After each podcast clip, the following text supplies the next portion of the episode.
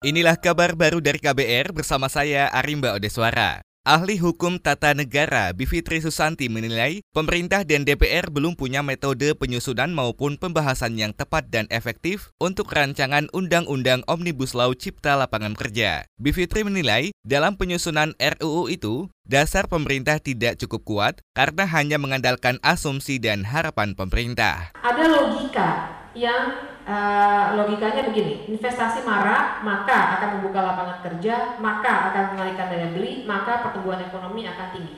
Nah, pertanyaannya kita kalau bikin policy pasti harus pakai evidence zaman sekarang. Evidence-nya ada nggak? Cost and benefit analisisnya dan regulatory impact assessment-nya ada nggak? Ahli Hukum Tata Negara Bivitri Susanti menambahkan, kalau pemerintah hanya menggunakan asumsi tanpa ada bukti nyata, maka target pemerintah pun tidak akan tercapai. Bivitri menilai, pemerintah hanya berfokus pada manfaat jangka pendek dalam menerbitkan RUU Omnibus Law Cipta Lapangan Kerja. Direktur Jenderal Bea dan Cukai Kementerian Keuangan Heru Pambudi menjelaskan, penyidikan kasus penyelundupan motor gede Harley Davidson yang diduga dilakukan bekas Direktur Utama Garuda Indonesia Ari Askara Dana Diputra masih belum selesai. Heru menargetkan penyidikan kasus Harley Davidson dan sepeda Brompton diharapkan bisa selesai bulan ini. Sebelumnya, Menteri BUMN Erick Thohir memberhentikan Ari Askara terkait kasus sepeda Brompton dan Harley Davidson yang ditemukan di dalam pesawat baru Garuda Indonesia Airbus. Erick Thohir menilai kasus dugaan motor Harley Davidson yang diselundupkan melalui pesawat baru Garuda itu merupakan tindakan kriminal. Sementara itu, Menteri Keuangan Sri Mulyani menyatakan akibat penyelundupan motor gede dan sepeda itu, negara dirugikan satu setengah miliar rupiah. Badan Meteorologi, Klimatologi, dan Geofisika BMKG Stasiun Meteorologi Blang Bintang Banda Aceh memantau puluhan titik panas yang berpotensi membakar hutan dan lahan. Kepala Seksi Data BMKG Banda Aceh, Zakaria Ahmad mengatakan ada 24 titik panas yang terdeteksi citra satelit. Terbanyak ada di Aceh Tenggara dan Gayo Lues. Uh, baik, memang uh, dari kemarin sore sampai tadi pagi jam 7 kita lihat ada 24 uh, titik panas yang muncul di Provinsi Aceh ya.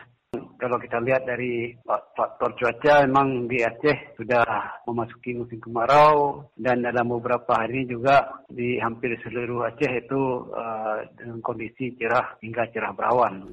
Kepala Seksi Data BMKG Banda Aceh, Zakaria Ahmad menambahkan, titik panas juga terdeteksi di Aceh Besar, Bener Meriah, Subulu Salam, Aceh Tengah, Aceh Tamiang, dan Aceh Jaya. Zakaria menghimbau masyarakat supaya jangan membuka lahan kebun dengan cara membakar karena bisa menyebabkan terjadinya karhutla dan kabut asap. Kita beralih ke informasi selanjutnya, saudara. Kelangkaan dan melonjaknya harga bawang putih diharapkan bisa jadi momentum untuk membenahi pertanian komoditas tersebut. Gubernur Jawa Tengah Ganjar Pranowo mengatakan, saat Cina sedang diguncang wabah virus corona, maka pertanian bawang putih lokal seharusnya dipacu lebih banyak lagi. Momentum menurut saya buat pertanian kita khususnya bawang dengan adanya corona ya, dengan adanya apa namanya orang bertanya-tanya sumber bawang putih itu dari mana. Saatnya sekarang kita mesti prioritaskan bawang putih ini. Atau suplai kita memang secara nasional kurangnya banyak gitu. Maka ini mesti digenjot menjadi satu komoditas prioritas hingga mencarikan bibit yang makin banyak, eh, lahan dan disiapkan apa off taker yang baik sehingga bisa memenuhi. Kalau enggak nanti kita guncang terus. Gubernur Jawa Tengah Ganjar Pranowo menambahkan, lahan pertanian bawang putih di wilayahnya mencapai lebih dari 2.500 hektar, tersebar di hampir seluruh wilayah pegunungan dari Tawangmangu, Sindoro Sumbing sampai Tegal. Demikian kabar baru dari KBR, saya Arimba Odeswara.